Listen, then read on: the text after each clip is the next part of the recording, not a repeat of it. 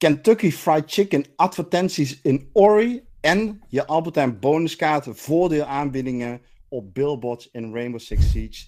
Dit is de toekomst en de week met XPNL. X give it to you. Fuck wait for you to get it on your own. X deliver to you. Yes, yes. Jeff, jongen, ik wil zo graag in dit nieuwstopic duiken, maar laat ik toch even gestructureerd beginnen. Uh, want het is episode, of episode, aflevering eh, 211 alweer van je wekelijkse podcast van de week met XBNL, behorende bij het platform Xbox Nederland.nl. De website voor je dagelijkse portie nieuws, tech reviews en natuurlijk reviews van alle games, van retro tot indie tot AAA en alles daartussenin. Um, komend uur hebben wij een hoop te bespreken, een aantal nieuwtjes. Um, uh, even heel kort, wat kun je van deze podcast verwachten? We hebben nieuws over een nieuwe Star Wars game. We hebben nieuws over Tales from the Borderland games. Natuurlijk zit ook weer Sea of Thieves in deze podcast. Natuurlijk zit ook weer andere Xbox Game Studio games in deze podcast, zoals Minecraft Dungeons. Nou, ik kan het hele rijtje wel gaan opnoemen, maar er is veel te bespreken. En dat doe ik niet alleen. Dat doe ik natuurlijk samen met jou, Jeff. Want uh, ja, wij zijn toch de twee die stand houden deze week. Ja, inderdaad. Die het ja. bewaken. Ja. ja. Hey, uh, Jeff, fijn dat je er bent. We hebben, uh, we hebben best wel wat dingen die, die we samen even, even langs gaan lopen. Maar eerst, hoe is het, jongen?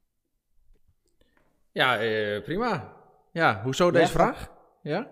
Nee, gewoon, ik ben gewoon even benieuwd hoe, of, of die lekker gaat. Zit je een beetje lekker in games uh, afgelopen weken? Ja, ik eh, ben, uh, ik ben toch een beetje de backlog aan het bijwerken. En daarnaast ook zeg maar de Game Pass. En ja, goed, weet je, het is onze laatste topic met wat hebben we gespeeld. Maar ik moet zeggen, ik, ik voel me best wel content met, wat is het, Life is Strange, wat ik nu aan het doen ben. En ik kwam er dus gewoon achter dat ik gewoon een bepaald Life is Strange uh, één serie gewoon helemaal heb gemist. En dat is Life is Strange 2. En die, kwam er ook achter. Die heb ik gewoon, dat had ik gewoon helemaal niet gedaan. Dus ik dacht dat, ik die, had dat ik die had gedaan. Ja, precies. De gebroeders Diaz, Sean en Daniel, als ik het goed heb. Ja. En ga je die nog doen? Ja, want hij was afgelopen week was hij in de sale voor 11, 12 euro. Dus uh, ik denk van oké, dan is dit het moment. Dan pak ik hem direct op en uh, heb ik die niet wel vastgelegd. Maar toen was ik al begonnen met True Colors. Dus die ga ik nu eerst mhm. afmaken. Volgens mij staan die ook los van elkaar, weet jij uh, waarschijnlijk wel. En daarna ga ik lekker Live Strange 2 doen. Hé, hey, maar laten we vak de structuur even. Wat vind je van True Colors? En dan gaan we zo wel naar de headliner toe. Ja, ja, precies. Ja, ja, we moeten ook een beetje zeg maar, de anarchie erin houden. Hè? De, ja, de, precies. Ja.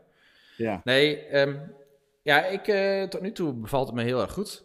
Um, het, het is wel weer, dat, ja, Mission is dat het beetje het, het uh, centrum rechtspolitieke wat dan nog in mij zit. Hè, het laatste beetje.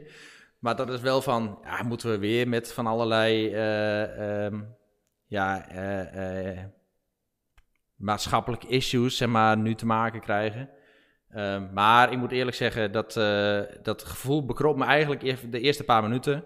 En daarna was het gewoon weer een ouderwets goed doodnot verhaal. En ik vermaak me er uitstekend mee. Ze kunnen me weer helemaal meenemen in het verhaal. Um, je moet weer de, de, de, de, de, dingetjes daar doen. Maar ja, weet je, karakters zijn goed uitgewerkt. het grijpt je direct wel weer. dus ik zit er helemaal in. Oké, laten we even bij bij dat thema blijven. Jij loopt in het stadje Haven van Life is Strange True Colors. Ja? In, uh, natuurlijk in de voetsporen van Alex. Mm Toch? Ja? En jij loopt daar, laten we zeggen, uh, dat cafeetje uit. Welkom ja. trouwens, Renko. Fijn dat je erbij bent. Ja, best wel. Hey. Ja, ja, ja, ja. ja. Hey, maar blijf, blijf, ja, Jeff, blijf even bij mijn imaginatie. Je loopt dat ja, cafeetje uit in Haven. Weet je wel, op die achtergrond hoor je nog net een beetje die gitaargeluiden. Je zit helemaal in het character. En je kijkt om over dat bruggetje heen en je ziet daar een billboard met de tekst Finger licking good, Kentucky Fried Chicken. En je kijkt naar links en wat zie je daar? Waar rempel? Je ziet daar een, een, een, een bord van de Febo hangen. Ja, Het voor kan, hè, ja. over een paar Ja. jaar. Want dat is eigenlijk de headliner eh, van deze week. Namelijk dat Xbox als PlayStation die overwegen en experimenteren met het toevoegen van ads, reclames in videogames. Dus Ja. als we het even heel gewoon ehm, eh, ja, uit zijn verband trekken, zou je daarop zitten te wachten op je fingerlicking good Nou, ik, ik denk, hè, met, met, eh, met heel veel games. Laat, laat ik er even mee beginnen met hoe ik erover denk. Ja? Ik denk, ehm, als het past in de game, ehm, als het onopvallend gedaan kan worden, dan is er niks aan de hand. En ik denk ook dat dat prima kan. Hè, als we kijken naar eh, eh, zeg maar alle films en hoe het allemaal in films is verwerkt. Het is allemaal niet opvallend, het is allemaal onbewust. Je wordt totaal niet uit je ervaring gehaald. En het voorbeeld wat jij net aangaf, volgens mij is dat ook echt een hele mooie illustratie. Want stel dat dat gebeurt, hè, je zit gewoon in die game en je ziet daar een billboard van... nu is het een of andere fictief product en dan is het een Nivea, ik noem maar wat, Coca-Cola. Ik denk dat dat echt niet uit je ervaring haalt. Dan denk je zoiets van, oké, ja, prima. Maar dat is, dat is het dan echt onbewust. Dus ik denk als ze het zo toepassen, op die manier doen, heb ik daar echt geen ene moeite mee. Het wordt pas echt irritant als het in je face wordt gedrukt. Dan wordt het pas irritant. Ja. Pop-ups. Ja. Ja. Ja, je wil, je wil Ori het- niet in het- een Nike, eh, in een Nike broekje eh, zien. eh, Maar het gebeurt nu toch ook al met sportgames, waar normaal gesproken reclame op de borden, zit nu ook gewoon reclame op de borden. Ja. In Ja, maar ik sportgames. vind dat, ja, maar ik vind dat anders, want bij, bij sport, zeg maar, is het ook part of the job. Weet je wel, Ja. als ik naar, eh, nou ik kijk nooit naar voetbal of F1, maar als ik daarnaar zou kijken, dan zie ik alleen maar reclame en sporters. Dus dat is gewoon onderdeel van de beleving. En op het moment dat ik dan denk, hé, hey, ik wil dat zel- diezelfde ervaring in een videogame, dan is het ook logisch dat ik eh, Red Bull voor mijn neus zie. Of eh, nou, weet ik veel wat voor reclames er allemaal zijn binnen, binnen, binnen de sport. Ehm, en ik kan me voorstellen dat er games zijn, bijvoorbeeld, om toch maar weer even bij Life is Strange te blijven, dat als je door zo'n eh, stad loopt en je bent inderdaad in dat eh, café, ehm, eh, dat, het ook, hè, dat het waarschijnlijk niet zal opvallen als, je, als een colaatje geserveerd wordt. Hè? Dus dat er een ja, marketing deal, deal zou zijn met cola. Eh, nou, voor ons als gamers uiteindelijk ook goed, want dat betekent ook weer eh, meer opbrengsten voor eh, de ontwikkelaars. Die kunnen dat dan weer in hun team stoppen, die stoppen dat dan weer in productie en ontwikkeltijd. Dus ik zie daar wel de voordelen van. Het risico wat ik zie is van waar is de grens? Waar stopt dat dan? Hè? In sportgames vinden we logisch. In Life of Strange denken we dat we de context nog wel zo kunnen schetsen dat reclames niet al te veel opvallen. Maar laten we toch eens doorgaan op die schaal. Ik zie bijvoorbeeld niet iets van reclames in games als Ori makkelijk verwerkt worden. Of andere puzzelplatformer games. Ik weet niet hoe jullie daarnaar kijken. Ja, maar is het verhaal, is het ook niet vooral van als het past, weet je, dan is het prima. Ehm, als het niet past, ja, dan, dan wordt het misschien wel irritant. Dat. Ja. Maar Renko, wat vind jij ervan? Ja, ik, ik, ben dat, eh, ik ben het er wel mee eens. Kijk, als je een open wereld game hebt, inderdaad, dan, dan kan het prima. Of een sportgame. Maar wat, eh, wat Rick ook zegt, eh, eh, van die games waar het totaal niet in past. Zoals, zoals Ori en zo. Ja, begin er dan ook alsjeblieft niet aan. Want ehm, ik, ik, ja, ik ben er sowieso al niet zo, niet zo fan van. Want je koopt gewoon een product, full price, 9 van de 10 keer. Dan hoef ik niet ook nog kapot gegooid te worden met reclame. En als je Ja, nou maar- free... Maar het, het gaat er nu toch ook over, over free-to-play games? Of niet? Eh, Ja, als, als, als ik het PlayStation-verhaal zou horen, dan is het verhaal van: oké, voor free-to-play free-to-play games willen we het gaan overwegen. ja, Eh. Want ik, ik, ik ben het mee eens dat als je echt daar volledig voor betaalt, dan is het raar als je daarmee eh, ook nog eens een keer geconfronteerd wordt. Mhm. Aan de andere kant denk ik, ja, in films is het niet anders. Hè? Dus reclame is daar gewoon onbewust in verwerkt als onderdeel van de filmervaring. En voor ons zou dat betekenen als onderdeel van de gameervaring. Ja. Nou, als, Ja, als voor- dat zo is, ja, Voor dan heb ik daar echt weinig ja. moeite mee. Ja. Nee, klopt. Dat, dat, is het, eh, dat is het inderdaad ook wel. Maar ja, goed. Ik, uiteindelijk herhaal ik alleen maar wat er al gezegd is. Ehm, als, je, als je inderdaad billboards hebt in een open wereld game of product placement, ehm, in wat voor andere game dan ook, weet je, no problem. Maar daar trek ik wel de, de, de grens. Ja, dat, ja je, je, voelt, ja, je voelt natuurlijk dat die grens ook snel opgerekt gaat worden. Want je zegt net wel terecht, Jeff, hè, Um, het zou best een prima verdienmodel kunnen zijn voor free-to-play games. Daar hebben wij mhm. ook weer baat bij. Hè, want uh, nou ja, die games kunnen wij gratis spelen. En we worden misschien niet met microtransacties om onze oren gegooid. Uh, maar, we, hè, maar om ook dan weer even bij microtransactions te blijven. Dat was natuurlijk ook ooit het idee van: hey, daarmee kunnen free-to-play uh, free games gefinancierd worden. Maar vervolgens zien we hetzelfde ook toegepast worden op gewoon full price games. Hè? Mhm. En dan ontstaan er twee, drie uh, verdienmodellen naast elkaar. Een full price game, een, uh, uh, microtransactions en bijvoorbeeld nog een season pass. Nou ja, daar komen dan misschien advertenties bij. Ik denk, um, ja, het, ik hoop dat er goed, en dat zal ongetwijfeld gebeuren, maar ik hoop vooral dat er goed over nagedacht wordt van ja, welke games zouden zich daar dan in meer of mindere mate voor lenen. Mhm. Maar is, is het ook niet een kwestie van uh, vraag en aanbod in deze? Want ik, ja, ik blijf dan de vergelijking met films maar maken. Kijk, als je echt op een gegeven moment uit de ervaring wordt getrokken, dan levert dat slechte kritieken op. Gaan mensen die films niet kijken en hè, bijt ze dat natuurlijk weer hunzelf in de kont. Dus mhm. ik denk dat zoiets zichzelf ook wel uh, nou ja, weer, weer, weer uh, herstelt of structureert of dat, ja, dat het vanzelf wel goed komt, om het zo maar te zeggen. Totdat er op een gegeven moment ergens een keer een ontwikkelaar wel eigenwijs is en het gewoon doorduwt en het ook gewoon in meerdere games uh, achter elkaar doet. Ja. Uh, en dat dan een andere ontwikkelaar op een gegeven moment denkt van, hm, nou, blijkbaar wordt het toch geaccepteerd, dus wij gaan het ook doen. Ik, ik, denk, ik denk dat je daar niet mee, mee moet beginnen. Nogmaals, inderdaad, als het product placement is, of, of, of een keer een billboard, of uh, een reclamespotje ergens een keer op een radio, of weet ik veel, ja, dan is dat tot daar aan toe. Maar ik denk dat als je daarmee begint, dat ze inderdaad gewoon steeds meer uh, gaan proberen van, nou, hoe ver kunnen we gaan? Want ja, dat is, dat is toch de ervaring die we hebben met de, de gaming-industrie. ja. ja. Maar wat is dan ja, je... voor jullie acceptabel? Dus wa hè, wat is het punt waarvan je zegt van, oké, dat kan, daarna kan het niet meer? Ja, product placement, ja. Hooguit. Ja. ja Oké, ja. Ja, dat, ja dat, dat kun je gewoon prima in de, in de game verwerken. Uh, in de ervaring ook. Als jij uh, in een willekeurige game een bar binnenloopt en daar staat daadwerkelijk een, uh, een, een, een flesje Heineken of, nou, of, of nou, bedenk het maar. Weet je, dat, no problem. Dat, ja. Sterker nog, dat hoort er een beetje bij. Maar ja, ik, ik, trek echt, ik trek daar wel echt de grens. Want anders dan ga je op een gegeven moment toch... Uh, in, in hoekjes pop-ups krijgen of nou, weet ik veel.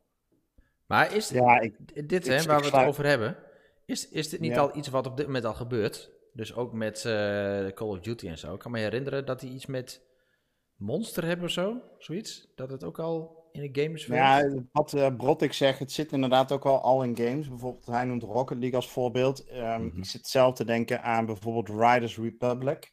Uh, waarin ook, uh, ik soms ook het gevoel had dat reclame deals waren met onder andere Red Bull. Mm -hmm. Ja, um, en zo zullen er best wel een aantal, aantal games zijn. En ik sluit me wel aan bij wat, uh, wat, wat Renko zegt. Um, er zijn best wel wat mogelijkheden als ze het maar hopelijk niet gaan uitputten en misbruiken om, ja, omdat het ook weer extra veel geld oplevert en het je daardoor uit de beleving van, van de game haalt. Ja. Um, ja. Mannen, laten we even doorgaan. Ja. Ja, misschien nog één opmerking dan, hè, om het toch nog. Ik vind ook dat, wat dat betreft ben ik het wel met Brottek eens. We moeten hier ook gewoon niet te krampachtig over doen. Ik bedoel, dit is een, de, de wereld waar we op dit moment ook in leven. Um, dus dat, dat verandert ook. Uh, games worden duurder om te maken. Dus we, we, vragen ook ontwikkelaars om op zoek te gaan naar, naar nieuwe verdienmodellen. Als dit er één is, ja, weet je, um, ik heb daar niet heel veel moeite mee als het niet storend is als het storend is, dan, dan is het vanzelf een no-go. Ja. ja, ja. goed. Dat, ja. Ik hoop dat ze dan een creatieve manier vinden om dat erin uh, toe te passen. Hè? Nogmaals, open wereld games, uh, sportgames, uh, Riders Republic is ook zoiets. Ja, weet je, extreme sports, daar associeer je toch een, een bedrijf als Red Bull al gauw mee. Want die, ja, die zitten gewoon daar overal in. Maar eh, games waar dat gewoon totaal niet in past. Ja. ik zie het in een, in een, in een Super Mario of eh, weet ik veel, eh, of een Ori inderdaad. ja, ik, ik zie het daar nog niet gebeuren. Zonder dat het storend is, althans. Ja, en wie gaat het dan ook bepalen? Hè? Ik bedoel, eh, gaan het de ontwikkelaars zijn of de publishers die dit soort deals sluiten? Hey, Mhm. maar we gaan deze discussie Ja. eh, naar een afronding toe brengen. Mocht je deze podcast luisteren via bijvoorbeeld Spotify of YouTube en je hebt hier ook een mening over, dan laat het ook, eh, ook weten. Eh, laat vooral ook even weten wat voor games jij wel denkt dat het geschikt is om reclame in te verwerken. Eh, wil je erover discussiëren, kom dan even hangen eh, ja, op onze Discord. Het linkje daarvan vind je op onze website xboxnederland.nl. Hey, eh, mannen, we gaan naar een tweede, eh, toch wel, of, nou ja, gewoon nieuws. Het is misschien wat overdreven, maar wel een, een, een nieuws om, wat mij betreft, even bij stil te staan. En dat gaat over Chris Novak. Ehm, voor degenen die niet weten wie dat is, waaronder ikzelf. Eh, Chris Novak was hoofd van onderzoek en design bij Xbox de afgelopen 20 jaar. Een van de pioniers, alleen dan ja, wat onopvallender, wat meer op de achtergrond, zou je zeggen, omdat je de naam en de functie misschien niet kent. Maar eh, we, we zijn vanuit de redactie dus ingedoken van, ja, wat heeft deze beste man, die nu dus aangekondigd heeft te gaan stoppen bij Xbox, omdat hij het tijd vond om ermee te gaan stoppen en om iets nieuws te gaan doen. Eh, wat heeft die man nou eigenlijk voor Xbox betekend? En eh, dan noem ik voor jullie even een aantal dingen op, mannen, en dan ben ik, heb ik zo'n vraag over aan jullie. Eh, hij was onder andere een van de grondleggers van het hele achievement systeem. Nou, waar we toch in meer of mindere mate eh, dagelijks eh, ja, gebruik van maken. Waar we games soms op uitzoeken. ehm, eh, waardoor we games soms net even wat langer spelen. ehm, waardoor games net even iets meer verdieping krijgen. Ehm, nou, toch een, eh, een heel belangrijk systeem. Diep geworteld, denk ik, in de, in de ervaring die je kunt hebben op Xbox. Maar dat is niet het enige. Hij bleek ook een van de grondleggers te zijn van de Xbox Game Pass. Hij bleek ook een van de grondleggers te zijn van xCloud, wat onder zijn handen ooit begonnen is als Microsoft Touch Adaption Kit. Ehm, dus hij heeft eigenlijk aan de wieg gestaan van, nou, zou ik het kunnen zeggen, de drie, vier grootste innovaties ehm, ja, die Xbox zo'n beetje gebracht heeft de laatste 10, eh 20 jaar. Zijn, zijn jullie het daarmee eens, jongens? Ja, en hij was er simpelweg ook vanaf het begin bij. Hè? Dus hij heeft gewoon de hele road meegemaakt. Want de Xbox is 20 jaar. Nou, hij is ook nu 20 jaar eh, eh, Hm. eruit. Dus eh, ja, of een, een jaar later, nadat, dat, nadat de Xbox eh, op de markt kwam, is hij eigenlijk erbij gekomen. Maar eh, ja, dus eigenlijk op de achtergrond gebleven. Maar een hele belangrijke rol gehad in al die, nou ja, belangrijke co- Xbox-componenten. Ja. Dus ik, ja, ik denk zelf achievements, weet je, dat is gewoon het meest iconische wat we maar hebben. Eh, Is ook de aanleiding geweest voor heel veel andere eh, nou ja, ontwikkelingen, ook op andere platforms natuurlijk. Dus Ja. ik denk dat dat gewoon een, een, een, een super belangrijke is. Maar eh, Ja, ja, als je maar ook goed. ziet, hè, van- Ja, Ja. en- ja je, je hebt het alleen over, hè, je, je, je pikt die achievements eruit, maar eh, Game Pass mag je ook beslist niet uitvlakken. Want dat is, dat Nee, is toch een commercieel monsterset misschien. geweest. nog beter, ja, precies. Hè, dus dus eh, het, het, het zijn hele andere, hele andere dingen, hele andere eh, onderwerpen.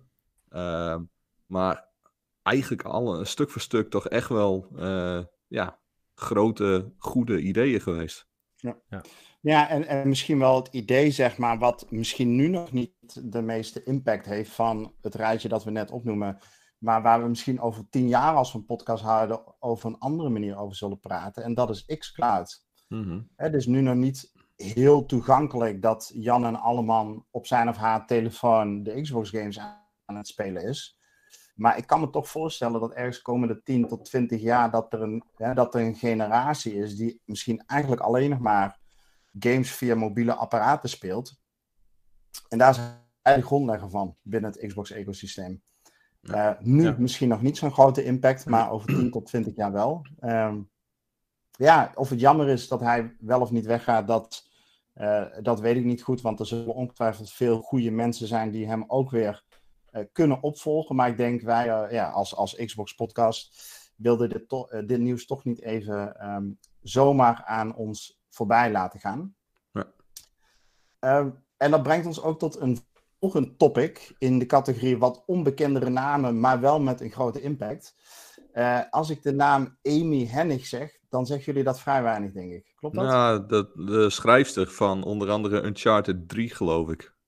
Ah, nou kijk, hartstikke goed, Renko. Jij bent uh, heel goed geïnformeerd.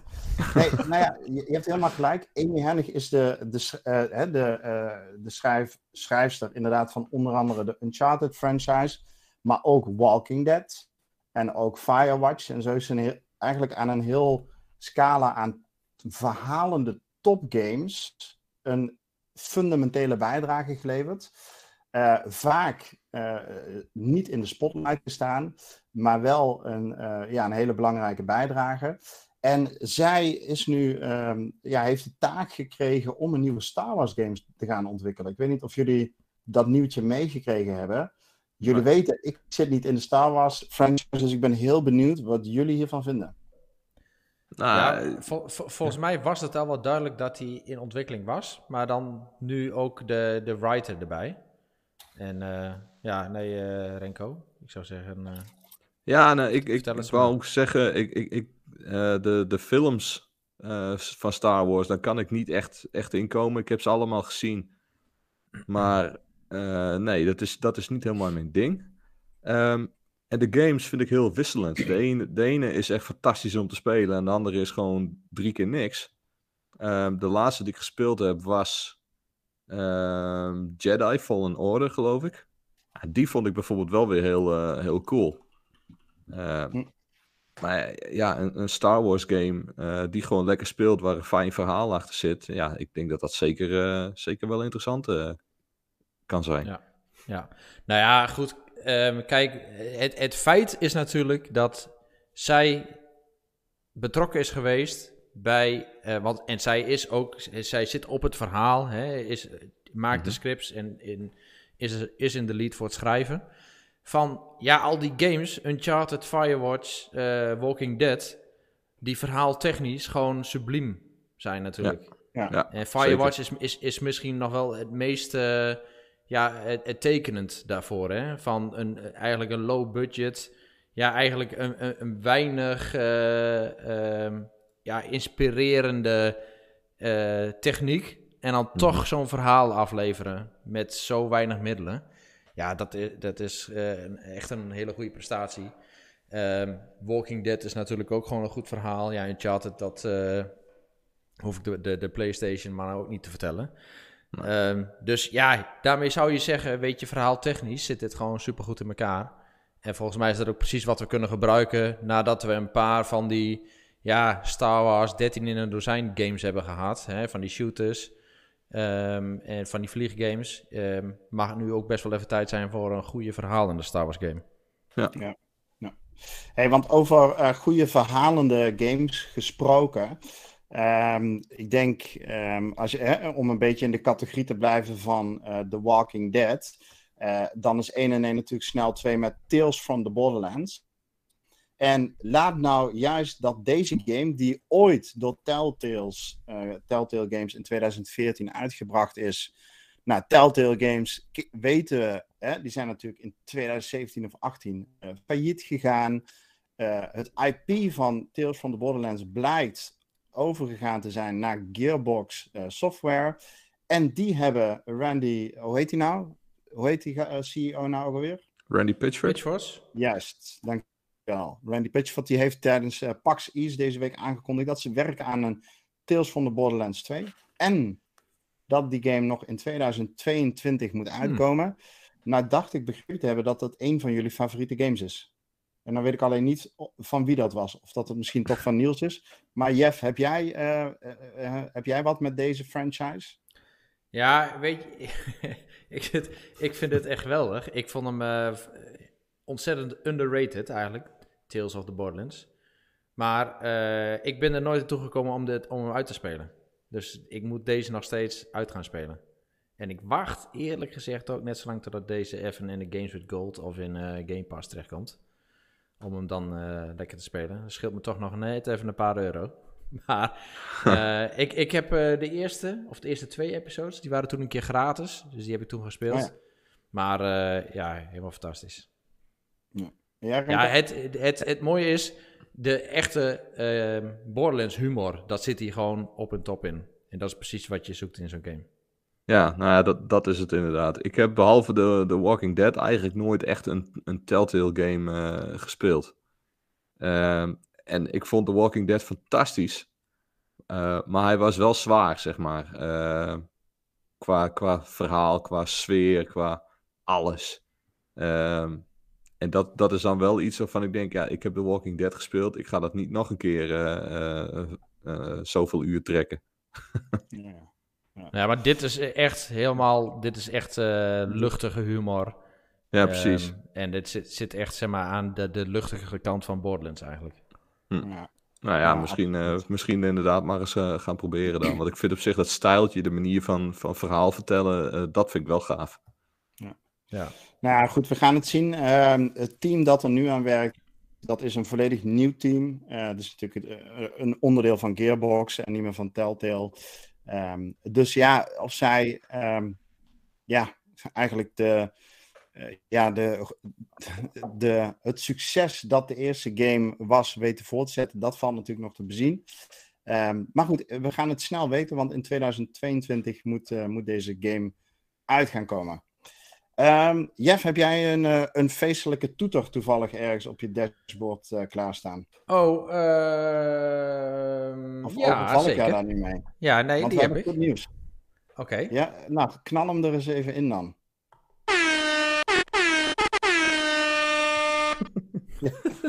Hey, Ik weet niet of die eh, feestelijk was, even- maar wel episch. ja, nee, het vat, vat de sfeer heel goed samen. Want we gaan gewoon eens even eh, heel chauvinistisch zijn. Onze, ons favoriete console.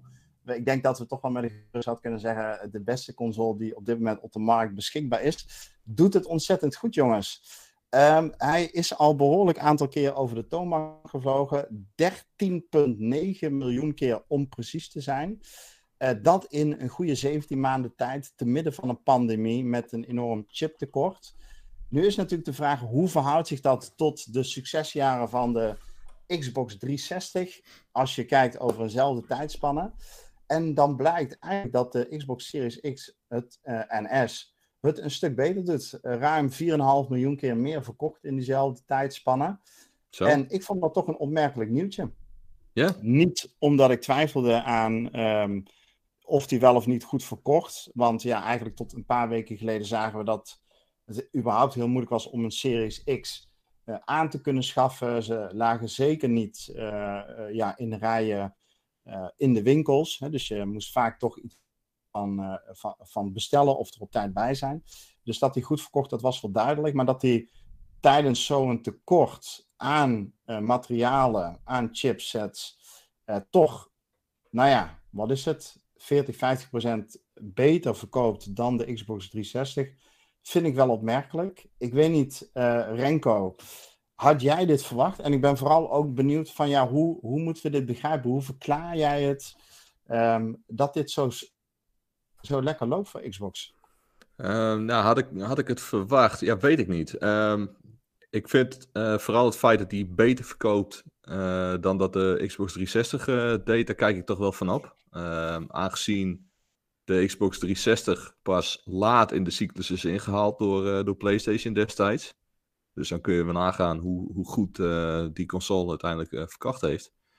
Ehm, ja, vind ik het nu een verrassing? Ehm, ik denk het eigenlijk niet. En dat heeft vooral ook te maken met het feit dat ondanks dat de Series X ehm, ook niet fantastisch goed te krijgen was, toch op de een of andere manier gevoelsmatig eh, toegankelijker eh, was eh, dan de PlayStation 5. Ja, Ehm, daarnaast heb je nu natuurlijk ook Game Pass. Ehm, en ik denk dat we die zeker niet moeten onderschatten. Ehm, eh, meer dan 100 games, wat? 150 games. Die je voor een vast bedrag per maand gewoon kunt spelen. Je hoeft dus geen eens meer games aan te schaffen. Dus ik, ik denk dat dat al, al met al er wel voor zorgt.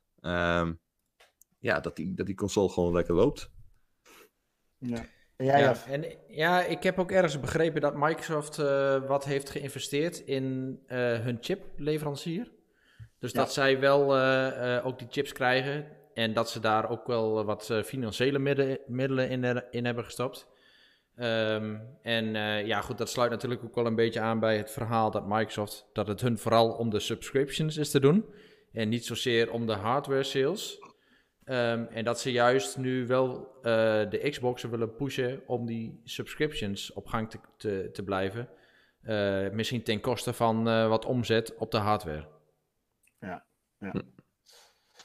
Nee, nee, nou ja, goed, ik heb daar eigenlijk eh, weinig aan toe te voegen. Ehm, ik vond het wel opmerkelijk. Ik had inderdaad ook gelezen dat, ehm, eh, goed, dat, er, dat Microsoft geïnvesteerd zou hebben eigenlijk in voorrang hè, op de levering van, eh, van Ja. chips, waardoor zij ook makkelijker eh, Series X eh, eh, konden leveren aan, ehm, aan retailers. Mhm. Ehm, maar wat ik bijvoorbeeld wel opmerkelijk vond, is dat eigenlijk als je kijkt naar de afgelopen maanden, dan heb je vaak van die, ja, van die wekelijkse hardware charts, waarin er vergeleken wordt, ja, hoeveel is er nou per continent eigenlijk ongeveer verkocht? En hoe verhoudt Xbox zich dan bijvoorbeeld tot de Nintendo Switch en tot de PlayStation? Mhm. En dan zie je eigenlijk al wekenlang achter elkaar, zo niet maandenlang, dat Xbox gewoon een stuk beter verkoopt dan PlayStation. En eh, Ja. zonder dat er eigenlijk afgelopen vier, vijf maanden, ja, echt goede games voor Xbox uitgekomen zijn. Mhm. Je hebt natuurlijk zat third-party games en natuurlijk doet Game Pass het ontzettend goed. Maar ehm, ja, de laatste paar topgames zijn toch alweer ruim een half jaar geleden. Als je kijkt naar Halo Infinite en Forza Horizon 5. Terwijl Ja. PlayStation juist dit voorjaar echt aan het knallen is. Met Sifu, met Horizon Forbidden West en... ehm, nou, ik zou niet, niet eens allemaal weten wat voor games, maar toch een behoorlijke line-up hebben. Ja. En dan doet Xbox het toch behoorlijk goed, jongens. Dus Ja. ehm, Zou, eh, zou het ook eh, ermee te maken kunnen hebben dat. eh, kijk, de Xbox 360 die liep als een malle. Dat was ook, dat was ook een super fijne console, fijne games, leuke, leuke exclusieve titels ook. Ehm, maar daarna kreeg je de, de Xbox One. En vooral het begin, hoor, dat, dat was zo vreselijk dramatisch. Ehm, maar sinds ze die, eh, die Don Metric daar toen weggetrapt hebben en Phil Spencer aan het roer gekomen is, vind ik het merk ook gewoon veel sympathieker geworden. Dat Ja. kan ook, eh, dat, dat nou, zal ook ongetwijfeld een deel eh, eh, de fanboy in mij zijn die, die dat nu zegt. Maar ik, ik heb echt het idee van, ehm, ze zijn heel hard bezig met, met inclusiviteit. Dus eh, die adaptive controller bijvoorbeeld voor, voor de, de ja, gamers met een handicap. Maar ook de, de vol inzet op backwards compatibility.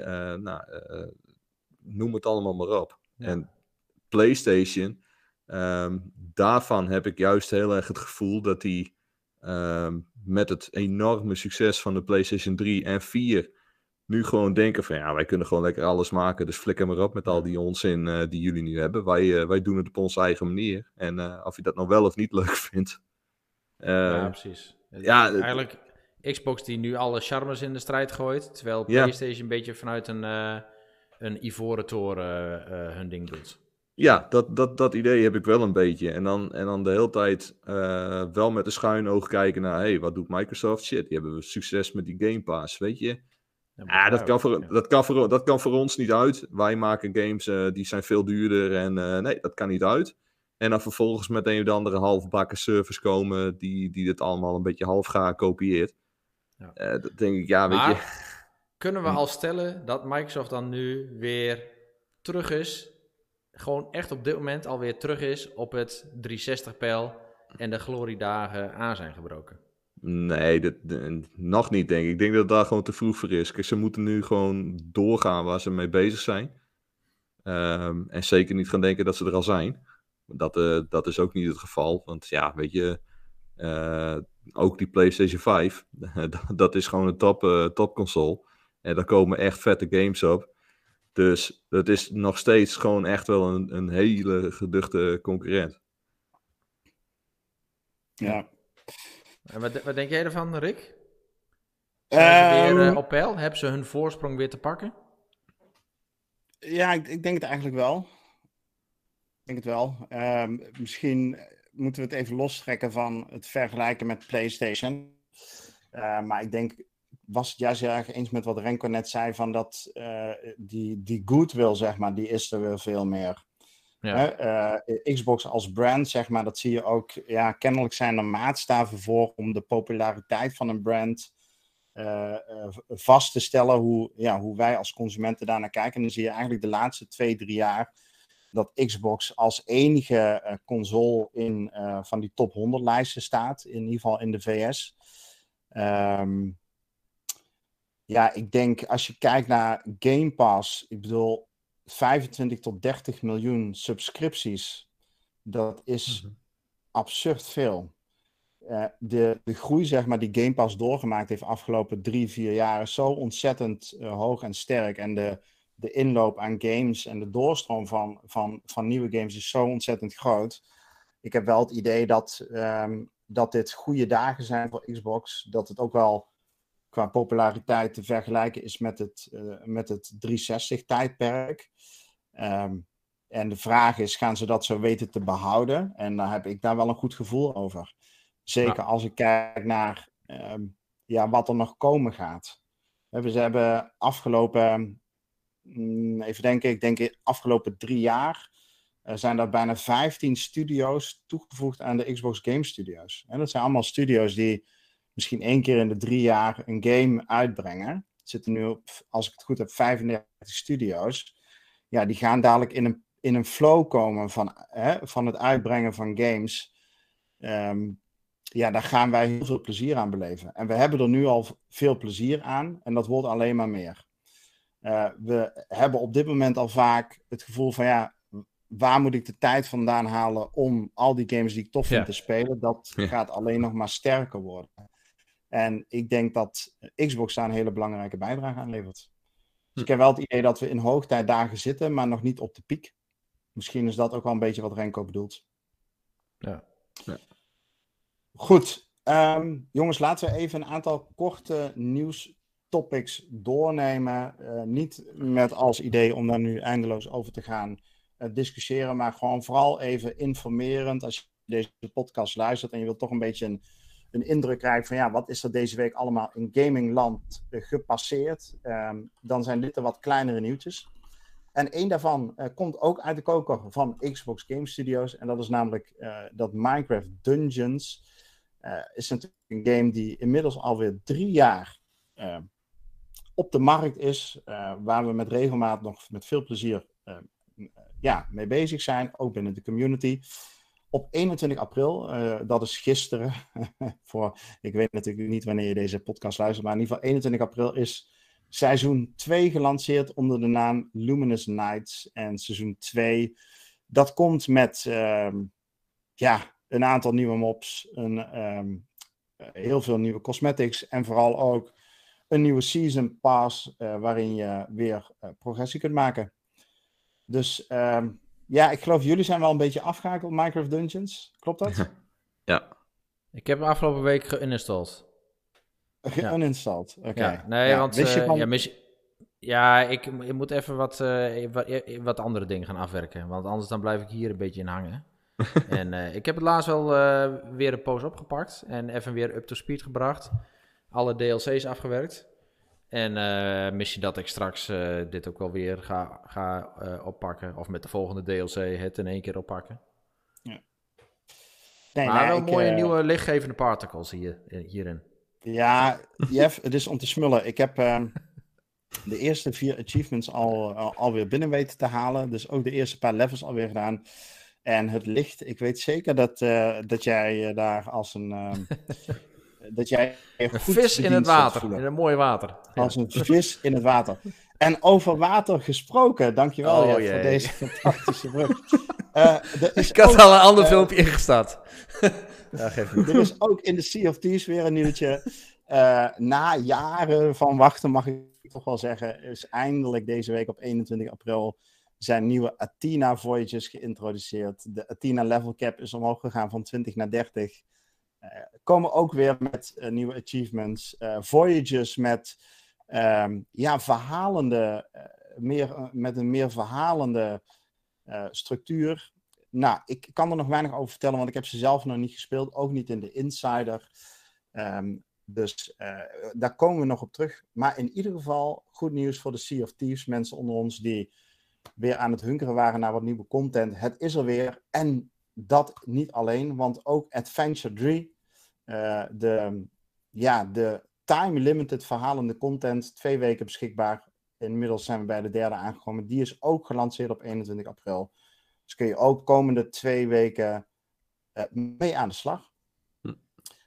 Um, ander nieuwtje, en dan gaan we weer even terug naar de, uh, naar de Gearbox-familie, is dat Tiny Tina's Wonderlands. Het is nog steeds een titel waarover ik steeds moet denken voordat ja, ik hem uitspreek. Ja. Of ik alle S'jes en kommetjes wel uh, goed, uh, goed accentueer. Maar uh, Tiny Tina Wonderlands is natuurlijk sinds een maand uit. En die heeft op 21 april de eerste DLC gelanceerd in het kader van de Season Pass. Onder de naam Coiled Captors, als ik het goed uitspreek. En Coiled Captors brengt nieuwe dungeons, een aantal nieuwe vijanden. En um, ja, een aantal nieuwe cosmetics, nieuwe wapens. Uh, dus leuk voor degenen die Tiny Tina Wonderlands uh, inmiddels uitgespeeld hebben en aan het wachten waren op wat nieuwe content. Uh, het is vanaf nu beschikbaar. Ja. Nou, Jeff, jij had ook nog een ander nieuwtje en dat ging wat meer over Saint Rose. Wat is er ja. op dat front voor nieuws? Nou, Saint Row die had afgelopen week een event gehad, gisteren geloof ik. En um, ja, daarin werd duidelijk uh, uh, hoe de game omgaat met customization. Want customization is iets wat de allereerste Saints Row... Hè, het gaat hier om de remaster van de allereerste Saints Row... Uh, um, ja, wat die daar ook zo leuk in maakte. En Niels die schreef er ook al over in zijn artikel over, over deze aankondiging. Van ja, ik hoop ook echt weer dat we gewoon alles kunnen aanpassen. Want ja, hij gaf ook aan van je, je kunt echt de, de, gekste personages kun je maken. Je kunt jezelf eigenlijk gewoon uh, met, met, met volledige bodytype en al, uh, alle karaktertrekjes kun je zelf namaken.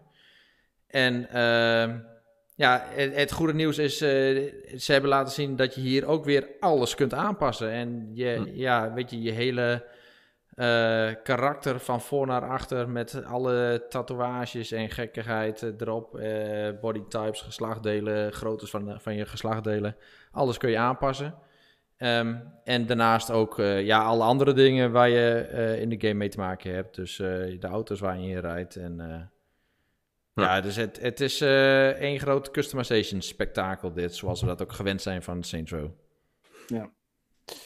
Alright, nou ja, volgens mij moet deze game nog steeds deze zomer uitkomen, dus uh, ik, uh, ik ben benieuwd. Ja, hey, Renko, hopen dat hij niet wordt uitgesteld, ja. ja. ja. als hij inderdaad niet wordt uitgesteld. hey, uh, Renko, het volgende nieuwtje is wat meer in jouw straatje, denk ik althans. En dat is namelijk dat uh, Sonic Origins, um, um, die is aangekondigd met een release datum voor 23 juni 2022. En dat is eigenlijk een remaster van... Sonic and the Hedgehog 1, 2, 3 en nog iets met 3D, HD, PD. Ik weet het niet exact. Ja. um, maar in ieder geval eh, de oude 2D Sonic games uit de jaren 90, denk ik dat het is, in een uh, nou ja, nieuw jasje, eh, als we het zo zouden mogen zeggen. Op de Xbox, is dat iets om naar uit te kijken wat jou betreft? Um, ja, dan, dan moet ik heel erg me de, de nostalgische kant uh, aangespreken. Ik heb dit vroeger als jochie van, nou hoe oud zal ik geweest zijn? Tien of zo denk ik. Op de Sega echt helemaal kapot gespeeld. Um, ik weet alleen niet of ik dit nog, nog heel goed trek, die, die ouderwetse 2D graphics. Maar uh, ja, wie weet. Ja. Dat... ja. Nou, ik ja, denk dat in ieder geval met, het hm? Ja, met, met, met dit soort dingen, echt eerlijk, eerlijk hoor hier moet het toch mee kappen, dit. Dit is toch gewoon... Kom gewoon met nieuwe dingen. Echt, alsjeblieft. Weet je, Mario doet dat helemaal fantastisch. Uh, die, die zijn continu aan het improven. Er uh, komen continu nieuwe, nieuwe games vanuit. Met, ja, weet je, die gewoon helemaal weer up-to-date is gebracht. En ja, af en toe komen ze dan eens een keer met een oude game die dan HD remastered wordt. Hm. Um, dit is gewoon, dit is de oude game en hier heb je hem weer. Alsjeblieft. Ja. Ik, uh, ik, Gewoon over en over again met Sonic. Ik heb met dit soort, met dit soort titels dan ook. Kijk, Sonic, uh, dat, ja, de liefde voor Sonic zit vrij diep. Eh, gewoon omdat ik er echt mee opgegroeid ben. Maar uh, ik, ik twijfel heel erg of ik dit weer wil gaan spelen. Ik heb hier hele fijne herinneringen aan. En die oude games, die, die doen het er voor mij niet meer. Um, nee, ik, ik, ja, ik, heb, ik heb dan nog wel eens zoiets van... Ik vind het dan wel heel leuk om, om af en toe uh, in een paar uh, losse, ja, minuutjes, weet ik veel... Hè, van die vrije momentjes om dan op YouTube een keer die oude games op te zoeken die je dan vroeger gespeeld hebt. En dan gewoon te kijken van, oh, die kan echt niet. Dit, wat ziet het er bagger uit, wat zijn die physics erg. Maar dit was fantastisch vroeger. Um, dat vind ik leuk. Hè? Want ik heb die, die herinneringen nog steeds. En dan, uh, soms vind ik het leuk om te zien van, ah, hoe ging dat ook weer? Maar om het ja. dan nu weer opnieuw te gaan spelen, dan, dan denk ik van, nee, dat, dat trek ik nu niet meer. Daar ben ik te verwend voor geraakt. Ik bedoel, technieken uh, gaat, gaat door. Games worden groter, uitgebreider, mooier. Um, dat oude spul hoeft van mij niet zo nodig meer. Nee, nee precies. Ja, nou, Demas die zegt uh, Jeffrey Zwijg. Uh, ik, ben, ik ben een beetje tegen haar in aan het strijken, heb ik het idee. Maar uh, ja, Picnic die, die geeft ook aan van ja, het is oude wijn in nieuwe zakken. Nou, ik zeg gewoon, dit is oude wijn in oude zakken. Er is helemaal niks vernieuwd hier. Nou goed, uh, maar uh, mocht je uh, uitkijken naar een nieuwe Sonic, dan wees niet getreurd. Want in 2023 staat natuurlijk Sonic Frontiers op het menu. Ja. Een open wereld 3D Sonic game. Maar daar is nog even op. En tot die tijd kun je het doen met oude wijn en oude of nieuwe zakken. maar net hoe je er zelf naar wil kijken. Goed. Hey, we blijven even in de Sega-hoek en we gaan door de volgende nieuws ietsje sneller heen. Sega werkt mogelijk ook aan flinke reboots van Crazy Taxi en Jet Set Radio. In het kader van free-to-play games, waarin ze een universum of een game willen bieden dat een universum biedt. waar het heerlijk vertoeven moet zijn, waar je voor jaren terecht kunt en waar op basis van, ja, wat zal het zijn, Battle Pass-achtige systemen mensen bij de game betrokken blijven. Dat zou het idee zijn van deze twee games, die waar het op lijkt nog twee tot drie jaar van ons verwijderd uh, zullen zijn.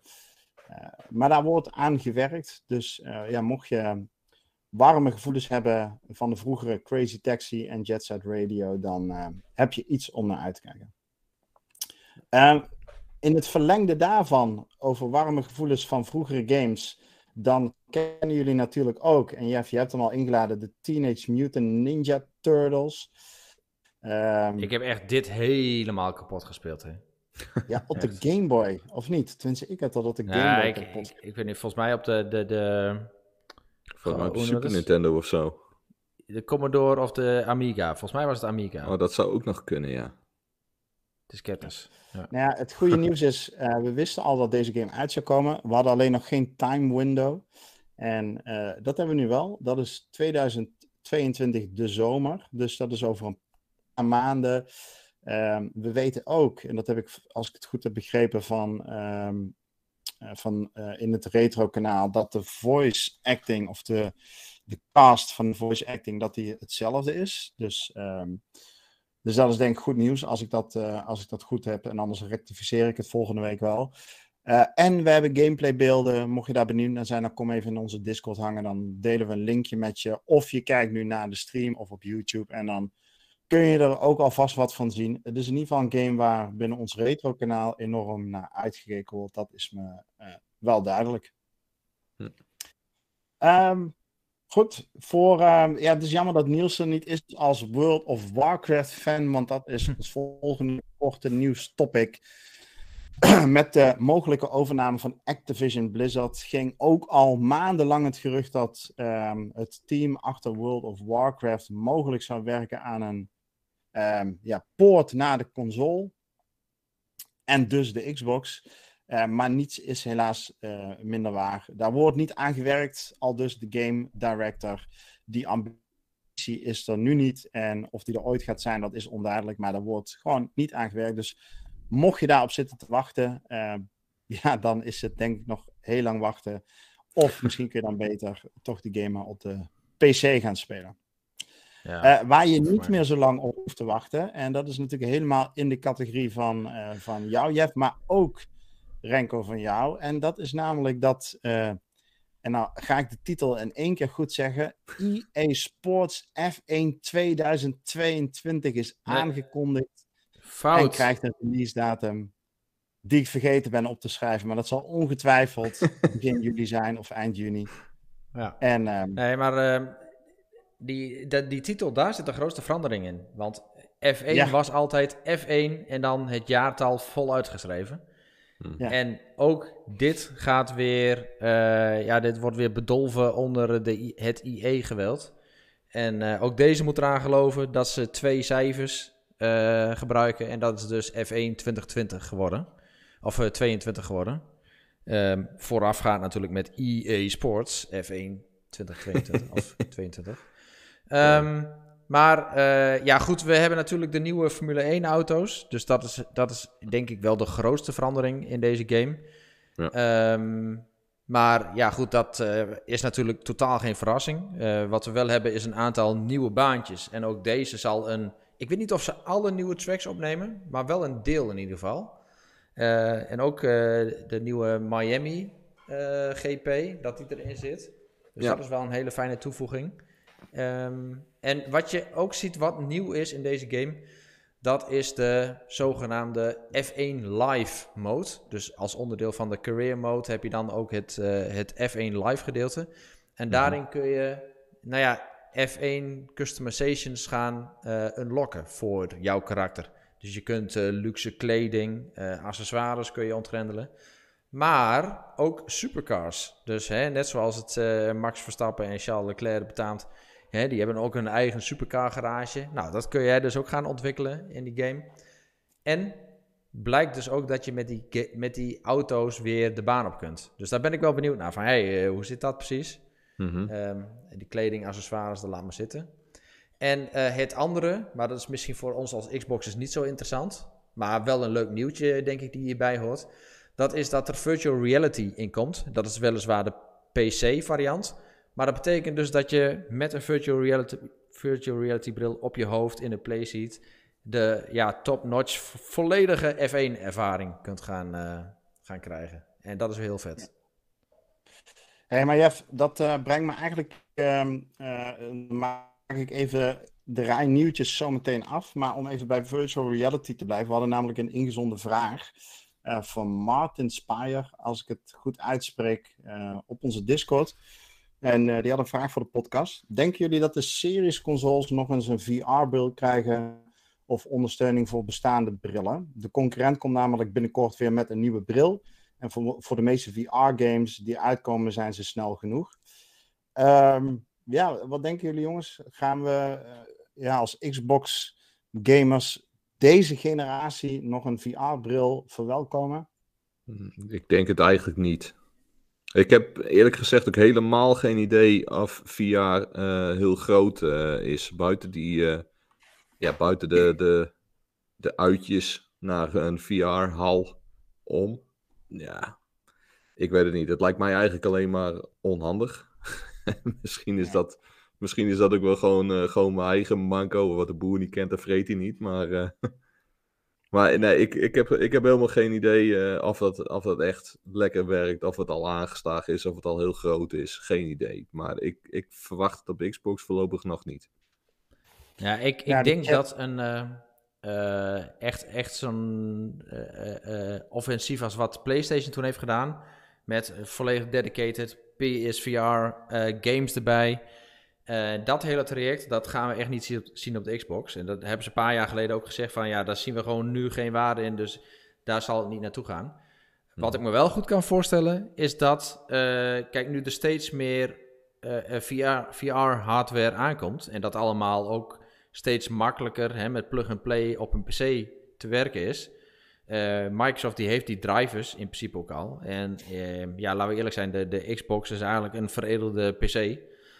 Um, kan ik me voorstellen dat ze, uh, als ze met een ja, relatief kleine moeite uh, het, het, het driver team kunnen versterken bijvoorbeeld. En ze virtual reality kunnen ondersteunen. Net zoals dat ze nu bijvoorbeeld ook headsets kunnen ondersteunen. Andere Bluetooth apparaten kunnen on ondersteunen. Dat ze ook virtual reality kunnen ondersteunen. Uh, dat ze dat er misschien wel gewoon bij gaan doen. Maar alleen als het zeg maar lage effort is en ze kunnen het eh, ehm, erbij ondersteunen. En dan heb je bijvoorbeeld zo'n Formule 1 game. Eh, die kan dan gaan zeggen van oké, voor de Xbox zetten we eh, naast een performance mode, een resolutie mode, een quality mode, zetten we ook een VR mode bijvoorbeeld er neer. Ja. Ja, nou, dat kan ik me nog wel voorstellen. Maar ik denk dat als uh, Phil Spencer en de zijne een prioriteitenlijst zouden hebben, en die hebben ze denk ik wel, dan staat dat niet ergens in de top uh, 20. Uh, misschien op het tweede A4'tje. En volgens mij is de chat het daar wel mee eens. Evil Terror ziet het niet gebeuren. JDM volgens mij ook niet. Picnic zegt, nou, een HoloLens zie ik nog eerder gebeuren dan VR. Ehm, ja, ik, uh, ik sluit me daarbij aan. Uh, laatste paar nieuwtjes voordat we verder gaan naar wat er deze week in de Game Pass verschenen is. Lego Star Wars The Skywalker Saga. Uh, doet het erg goed, dat wisten we al, want onze eigen Niels heeft deze game een, een hele goede beoordeling gegeven. Die, de review daarvan kun je natuurlijk nalezen op xboxnederland.nl. maar we waren niet de enige die de goede review gaf. OpenCritic, Metacritic scoort deze game goed. En het succes zien we nu ook terug in het aantal verkochte exemplaren. Um, in de eerste anderhalve week is deze game 3,2 miljoen keer over de toonbank gegaan. Hm. En daarmee is het de best verkochte uh, Lego game ooit in de, in de startfase in de, van de eerste paar weken. Dus, uh, dus dat is goed nieuws voor het team die, uh, ja, toch, ik zou niet eens weten, al misschien wel tien jaar aan deze game gewerkt heeft. En um, nou ja, 3,2 miljoen is gewoon een heel, heel mooi aantal. Um, daarmee ja, behoor je met recht tot de aantallen zoals we die ook bij de grote AAA-titels zien. Dus dat is hartstikke mooi. Uh, laatste nieuwtje, kort. Um, ja, de Xbox Game Studios, we weten dat ze aan het uitbreiden zijn. we zitten nu ruim over de 30 studio's heen. En uh, met uitbreiding komen er ook nog wel eens vacatures vakant. En dat is voor ons als nieuwswebsite natuurlijk altijd heel uh, ja, leuk om in de gaten te houden. Want soms staan er nieuwtjes in. En zo was er ook een vacature voor de Xbox Publishers Japan. Dus de Japanse tak van de Xbox Game Studios. waarin opgeroepen werd voor een aantal senior designers die zouden werken aan een baanbrekend project met een Japanse studio. En um, nou goed, dat is eigenlijk alle informatie. En dan kunnen we natuurlijk eeuwig uh, uh, hierover gaan speculeren wat dat dan zou kunnen zijn. Um, maar dat bewaren we even voor een andere podcast. Maar we weten in ieder geval dat Xbox nog steeds hard bezig is om een voet aan wal te krijgen. Uh, daar aan de andere kant van de wereld in Japan. Ja. Goed. Games in de Game Pass. Um, nou, er was al een heel lijstje begin april uitgekomen. Daar zijn weer zeven titels aan toegevoegd. Te beginnen bij F1 2021. Vanaf nu beschikbaar in de cloud. Uh, voor de Xbox Game Pass Ultimate uiteraard. Wat ook in de cloud beschikbaar is, is Need for Speed Hot Pursuit Remastered editie. Dus um, ja, voor degenen die, um, die Ultimate hebben, daarmee ook EA Play hebben en dus toegang tot deze games, die zijn nu ook beschikbaar om gewoon lekker op je uh, telefoon of je tablet uh, op de bank rustig te kunnen spelen. Dan volgen een aantal games die ik zelf niet zo goed ken. En één daarvan die is nu ook al beschikbaar, as we speak. En dat is namelijk Turnip Boy Commits Tax Evasion voor Cloud Console en PC en ID at Xbox Game. Zegt het jullie iets, jongens? Nee. Nee, nou, dan gaan we snel door. Een, an een andere game. ik waar... ben wel echt heel erg benieuwd eigenlijk. Dus ik ga, ja, ik ga wel even, even bij. Dan ga ik uh, alvast wat over de volgende game vertellen. Want dat is Seven Days to Die. Een, een game die eigenlijk al lang uit is op de Xbox en nog veel langer op de PC. Um, is die nou ook door Telltale Games ontwikkeld? In ieder geval, dit is een survival nee. horror game. Nee, volgens mij is dit echt van een uh, indie studio. Ik, ik, heb dit een poosje gespeeld, gewoon met heel veel plezier. Het is een soort van survival crafting. Ja, uh, ja met, met een hele sterke nadruk op survival natuurlijk in een zombie-apocalypse. Um, en ja, superleuke game. Ook wat meer sandbox-achtige game. Dus uh, ik bedoel, je kunt ook best wel exotische dingen gaan bouwen. Ehm, zonder dat er eh, een hele gecontroleerde wereld is of dat alles weer wordt uitgebalanceerd. Dus dat is best wel lachen. Ehm, maar het is, eh, ja, nee, het, het, is, het, is, het is geen uh, hoogstaande game of zo. Het is geen AAA-game, maar wel leuk genoeg. Ja, er was iets wel met die game die ehm, met een, een studio die failliet was gegaan. Ik dacht toch echt Telltale Games. Ehm, in 2017. En dat die game vervolgens wel nog voor de. Ja, het zal niet Telltale Games geweest zijn, maar in ieder geval. Voor de PC is hij wel nog ondersteund uh, sinds 2017. Op Steam draait hij eigenlijk heel goed over de 15 miljoen spelers. Maar op de Xbox speel je nog steeds de 2017 versie met alle flaws en bugs en alle tekorten die deze game heeft. Uh, of nee, deze game gaat niet voor de Xbox uitkomen met alle updates die de PC wel gekregen heeft. Maar uh, als jij Game Pass Ultimate hebt, dan heb je natuurlijk ook toegang tot de PC-versie van deze game. En dat is wel de geüpdate versie. Dus als je een beetje een werkbaar, hmm. werkzame PC hebt, dan kun je deze alsnog daarop gaan spelen. Hmm. Um, laatste paar games. Research and Destroy voor console en PC op 26 april beschikbaar. PlayStation exclusive en banger triple A game Bugsnax. ik weet niet eens of ik het goed uitspreek. Uh, het, een beetje dat dat character wat lijkt op een aardbei. Uh, ja, dit was de launch line-up van, uh, van PlayStation. Van PlayStation, en, ja. Je hebt ook echt sindsdien nooit meer wat van gehoord, hè? Nee. Nee, ja, nee. Ja, goed. We gaan zien ja, hoe die op de Series X speelt. Dus ik, ik kan, niet, kan niet wachten. Goed. En tot slot Unsold um, voor console en PC. ID Xbox Game op 28 uh, april beschikbaar. Um, verder, zonder datum nog, maar komen ook binnenkort in de Game Pass beschikbaar Assassin's Creed Origins en For Honor. En er wordt al in de chat gespeculeerd uh, dat als Assassin's Creed Origins naar de Game Pass komt, dat die misschien ook wel eens een 60 fps upgrade zou krijgen. En Jeff, dan krijg jij weken knieën, denk ik. Nou, dat, het verbaast me dat dat er nu niet in zit. Maar uh, ja, ik, eh, ik snap het ook wel. Want volgens mij moet die update moet ook nog gewoon komen. En dat uh, lijkt me logisch inderdaad. Het is allemaal dezelfde engine. En uh, in Valhalla zit het ook, dus waarom niet? Ja. Dus ja, lijkt me, lijkt me logischer. Dus ik had er nog niet eerder aan gedacht, maar ja, volstrekt logische update, lijkt mij. Ja. ja. Nou ja, For Honor heeft volgens mij al in de Game Pass gezeten. Um, ja. Wat misschien nog wel het, um, het, het, ja, het onderliggende nieuws hiervan is, is dat Ubisoft, um, ja, dit is dan alweer de derde, de, de, derde titel op tijd van drie, vier maanden die ze in de Game Pass duwen. Naar, nee, de vierde titel. Rainbow Six Extraction op day one, Rainbow Six Siege op diezelfde dag, maar natuurlijk al een oudere game. Uh, en nu deze twee titels. Dus um, ja, van het uh, voorzichtig kussen aan elkaar gaat Ubisoft uh, met Microsoft toch een stapje verder in hun relatie. En ben ik toch wel heel benieuwd waar dit schip strandt. Ja. misschien wel bij Skull and Bones. We weten het niet. Letterlijk, Goed. Ja. hey, pun intended. Alright. Um, Hey, we hebben nog uh, twee vragen voor de podcast. De eerste vraag is ingezonden door Jess NL. Die vraagt één, waarom zijn, is het altijd zo lastig voor jullie om op tijd te beginnen? uh, het is allemaal Renko's ja. schuld. Het is gewoon heel simpel. Alles is ja, ja, ja. schuld.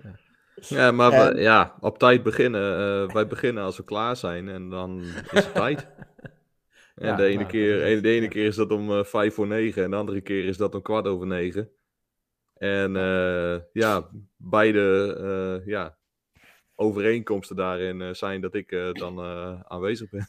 Ja. ja. ja, en we willen het ook gewoon een beetje spannend voor jullie houden. Want we weten, het weekend is pas begonnen als de podcast ook is begonnen. En ja, ja dat, dat, dat moet niet al te voorspelbaar worden. Dan wordt het gewoon saai. Ja. Nee, nou, daar heb ik niks aan toe te voegen.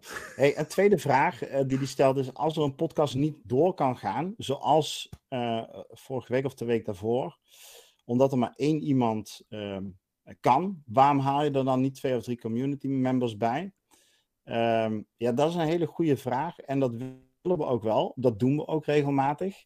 Maar er zitten twee mitsen en maren aan. Eén, soms weten wij pas vrij laat dat we onderbezet zijn. En ja, dan gaan we niet om half negen. Ehm, ja, eh, dan, ja, dan kunnen we natuurlijk wel een beroep op jullie doen om half negen. Maar dat is ook niet fijn.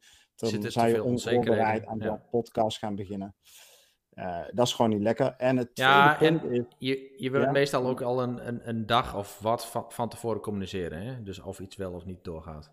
Ja, ja dat, dat is wel wat we proberen. Maar dat lukt gewoon niet, niet altijd. Omdat ja, soms, uh, ja, soms is gewoon door omstandigheden dat iemand last minute er niet bij kan zijn. We doen dit ook gewoon allemaal maar erbij en vrijwillig. Um, maar we proberen het wel altijd tijdig te communiceren. Um, ander punt is Um, ja, de podcast voorbereiden, dat doen we eigenlijk op meerdere manieren. Eén, uh, er moet natuurlijk een overzicht zijn van, van nieuws. Dat moet voorbereid worden, dat moet gelezen worden, dat moet in een soort redelijk, hopelijk logische structuur gebracht worden. Dat vraagt tijd, uh, maar dat moet ook technisch ondersteund worden. En heel simpel, dat zijn er maar twee bij ons die dat uh, goed genoeg kunnen. En als Jeff en Niels allebei niet kunnen, dan houdt het gewoon op. Want Renko en ik ja, kunnen dat niet overnemen, omdat we daar één, de kennis niet van hebben. En twee, ook niet de apparatuur. Um, dus ja dan, uh, ja, dan kunnen we wel iemand van jullie vragen vanuit de community. Alleen, ja, dan zit je waarschijnlijk met hetzelfde probleem. Ja, ja inderdaad. Maar daar zijn we wel aan het kijken hoor, naar wat verschillende opties. Want ehm, Kijk, wij werken met een stukje software dat heet uh, OBS, of Streamlabs dan, om specifiek te zijn. En uh, je hebt tegenwoordig heb je ook wel andere software, StreamYard. Um, dat is wel een betaalde dienst, maar uh, dat willen we wel gaan kijken of, of dat niet het overwegen waard is. En dan wordt dat ook weer een stuk makkelijker. En ja, weet je, een, een, community member of community members aanhaken, daar zijn we altijd voor geweest. Dus dat zal het issue echt niet zijn. Nee, sterker nog, als je nu luistert en je hebt zoiets, ja, ik, hè, je, je wil meedoen, uh, of je zou een keer mee willen doen, um, ja, laat het ons weten. Stuur even op, uh, op Discord een, uh, een DM. En als je niet op Discord zit of je wil liever niet op Discord, dan kun je ons ook gewoon mailen. En dan kunnen we kijken wat er mogelijk is. We, um, ja, wat, wat, we vragen eigenlijk niet zo heel veel. Een simpele, simpele camera en en e, e, enigszins fatsoenlijk geluid. Maar dat heb je waarschijnlijk al, want de headset is goed genoeg. Dat is voldoende. En het is natuurlijk fijn dat je een beetje op de hoogte bent van het nieuws van de week, zodat je ook wel lekker met ons mee kunt praten. Uh, maar ja, mocht je, mocht je een keer mee willen doen, dan uh, ja, graag, weet je. Dan, uh, die variatie vinden we leuk. Wordt ook altijd goed op gereageerd als bijvoorbeeld nou, Evil Terror meedoet. Of Dimas heeft wel eens meegedaan. Leon heeft wel eens meegedaan. Jess heeft wel eens meegedaan. Nou, krijgen we altijd wel positieve reacties op. Dus uh, ja, kom, laat het weten en dan, dan kunnen we dat regelen. Yes. Yep. Goed. Um, hey, laatste vraag. En dan gaan we over naar wat we gespeeld hebben. En dan uh, gaan we deze podcast ook weer naar een einde brengen. Um, en die komt van Martin Spire. die vraagt op, op de concurrent, de Switch, denk ik dat hij bedoelt komt binnenkort weer een sports uh, slash party motion game uit. Um, klopt inderdaad, ik weet even de titel daar niet van. Maar er komt inderdaad zo'n ja, bewegingsgeoriënteerde game uit. Uh, zien jullie daar nog een game van uitkomen op het Xbox-platform? Of zijn ze klaar met motion games? Hmm. Ja, um, ik denk dat Xbox na de Kinect wel ontzettend is genezen van dat soort dingen. Ja. Uh, dus ja, ik, ik kan me haast niet voorstellen dat ze daar toch weer naar teruggrijpen. Ik, ik verbaas me eigenlijk ook van het succes van de Wii. Dat het bij de Wii allemaal best wel goed is gelopen, ook met die bewegingsgames. Uh, en Nintendo doet daar blijkbaar iets goeds. Want alles wat zij ook vanuit eigen stal uh, daarop lanceren, dat, dat valt best wel goed.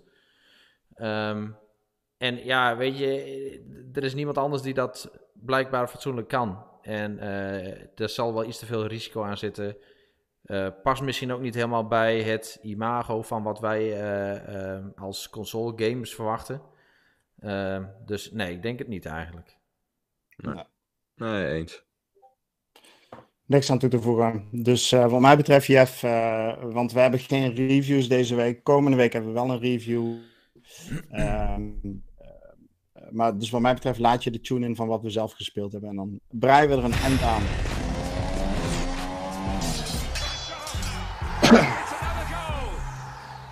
nou, Renko. Jij als kerstverse vader en net verhuisd, heb je wel tijd om te gamen? Uh, niet heel veel. Ehm, van de week even een keer een dagje rust ingelast. En toen, uh, toen wel even lekker uh, een paar uurtjes kunnen gamen. En uh, toen vooral mijn tijd besteed aan Cyberpunk. Die, ik heb alle side missions heb ik nu zo'n beetje klaar. Dus ik probeer nu nog het hoofdverhaal uit te spelen. En dan moet ik maar zien of ik er genoeg van heb. of niet. Maar, en tot nu toe dan? Want hoe, hoe, hoe valt hij nu? Na ja, de updates en alles? Ik vind, hem, uh, ik vind hem helemaal tof. Ik had, uh, ik had uh, ja, ik heb het vaker gezegd, maar ik had wat moeite om in die game te komen. Ik, ik, vond het wat overweldigend in het begin. ook ook met, met bepaalde missies waarin, ja, die ik eigenlijk gedwongen werd te doen, maar waar ik de skills nog niet voor had. Mhm. Ehm, het, het, hacken, dat, dat lag me niet. Uh, het, de, de shootouts uh, vond ik stroef, dan werd ik zelf weer gehackt door een vijand. En ja, dat waren allemaal van die dingen. Dat, dat had ik in het begin nog helemaal niet door hoe dat precies werkte.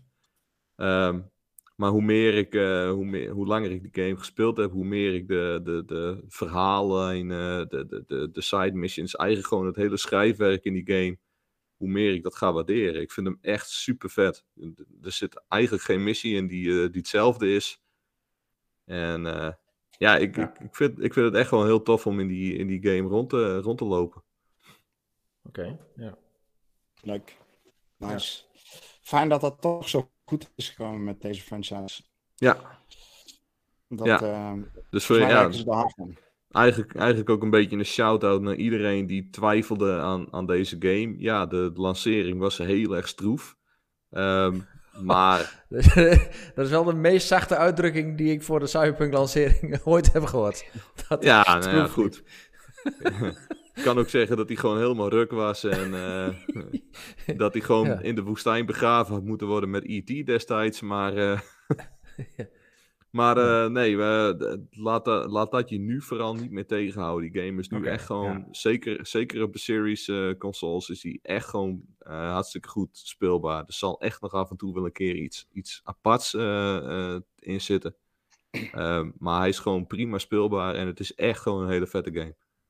Ja, ja mooi. Nice. Hey Jeff, voordat we naar jou gaan, um, even vanuit de chat. Um, wat heeft de chat gespeeld afgelopen week. Mishima die heeft Far Cry 6 gespeeld. Uh, PUBG en Dying Light 2.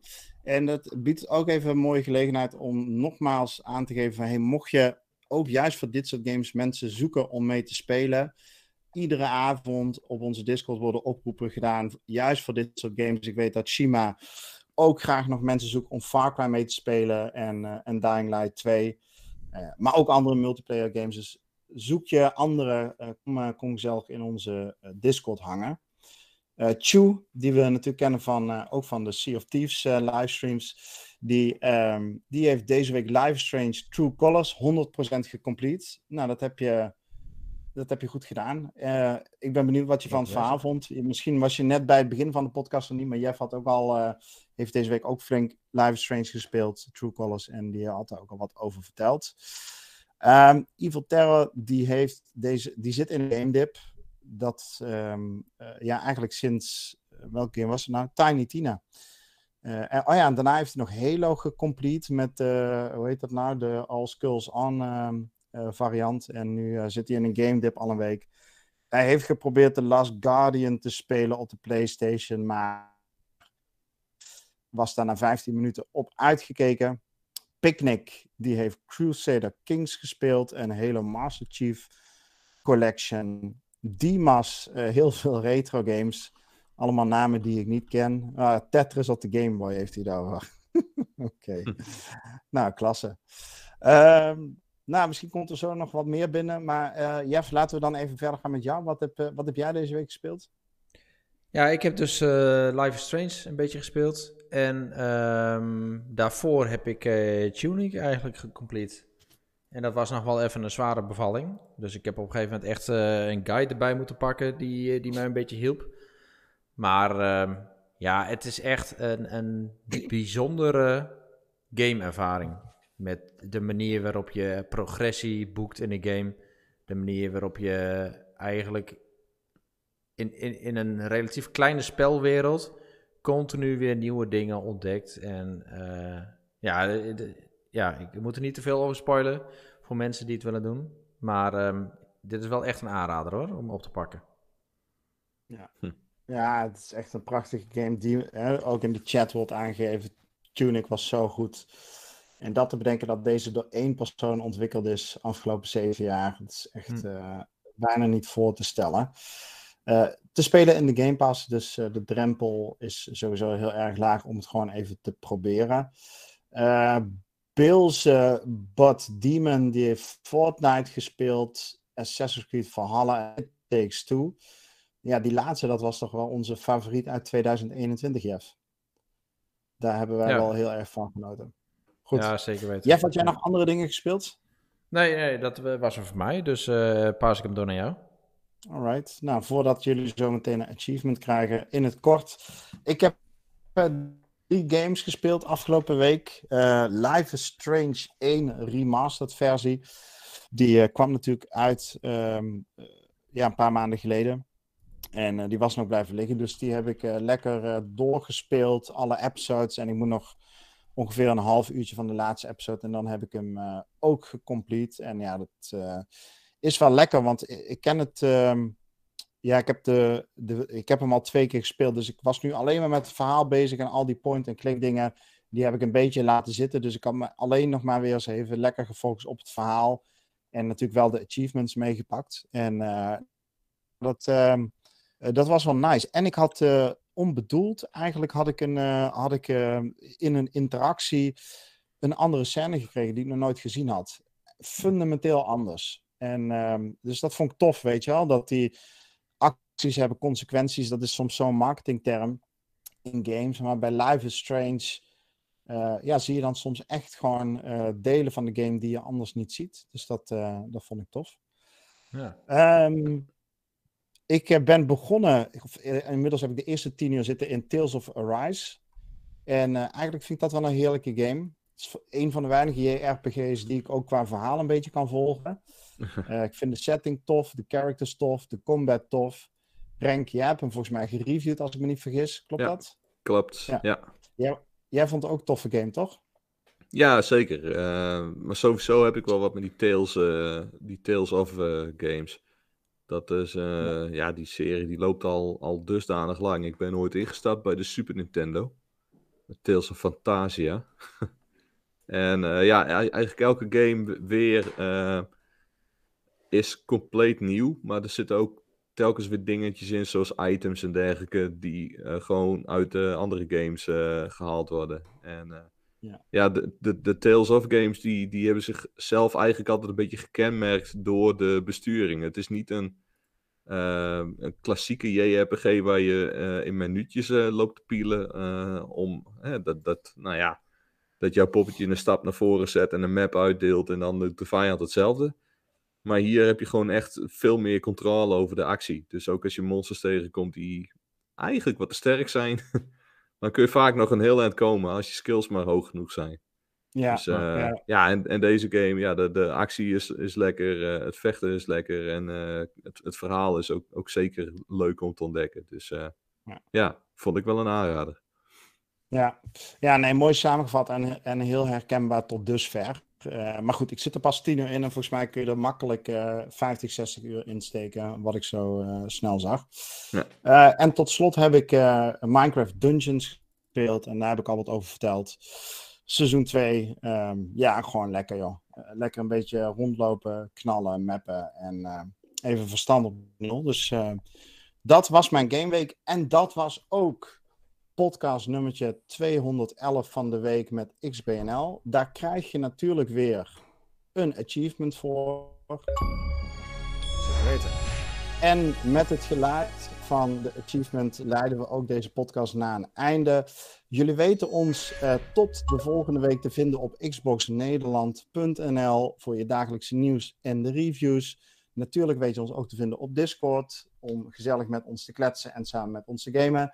En op onze socials voor al onze kortzinnige, stomzinnige uitspraken, screenshots, clips van games enzovoort enzovoort. Uh, voor nu wensen we jullie een heel fijn weekend namens Renko, Jeff en mijzelf en ook de anderen van de redactie die er vandaag niet bij zijn. En we zien jullie volgende week weer bij aflevering 212 van de week met XBNL. Yes. Later. Later.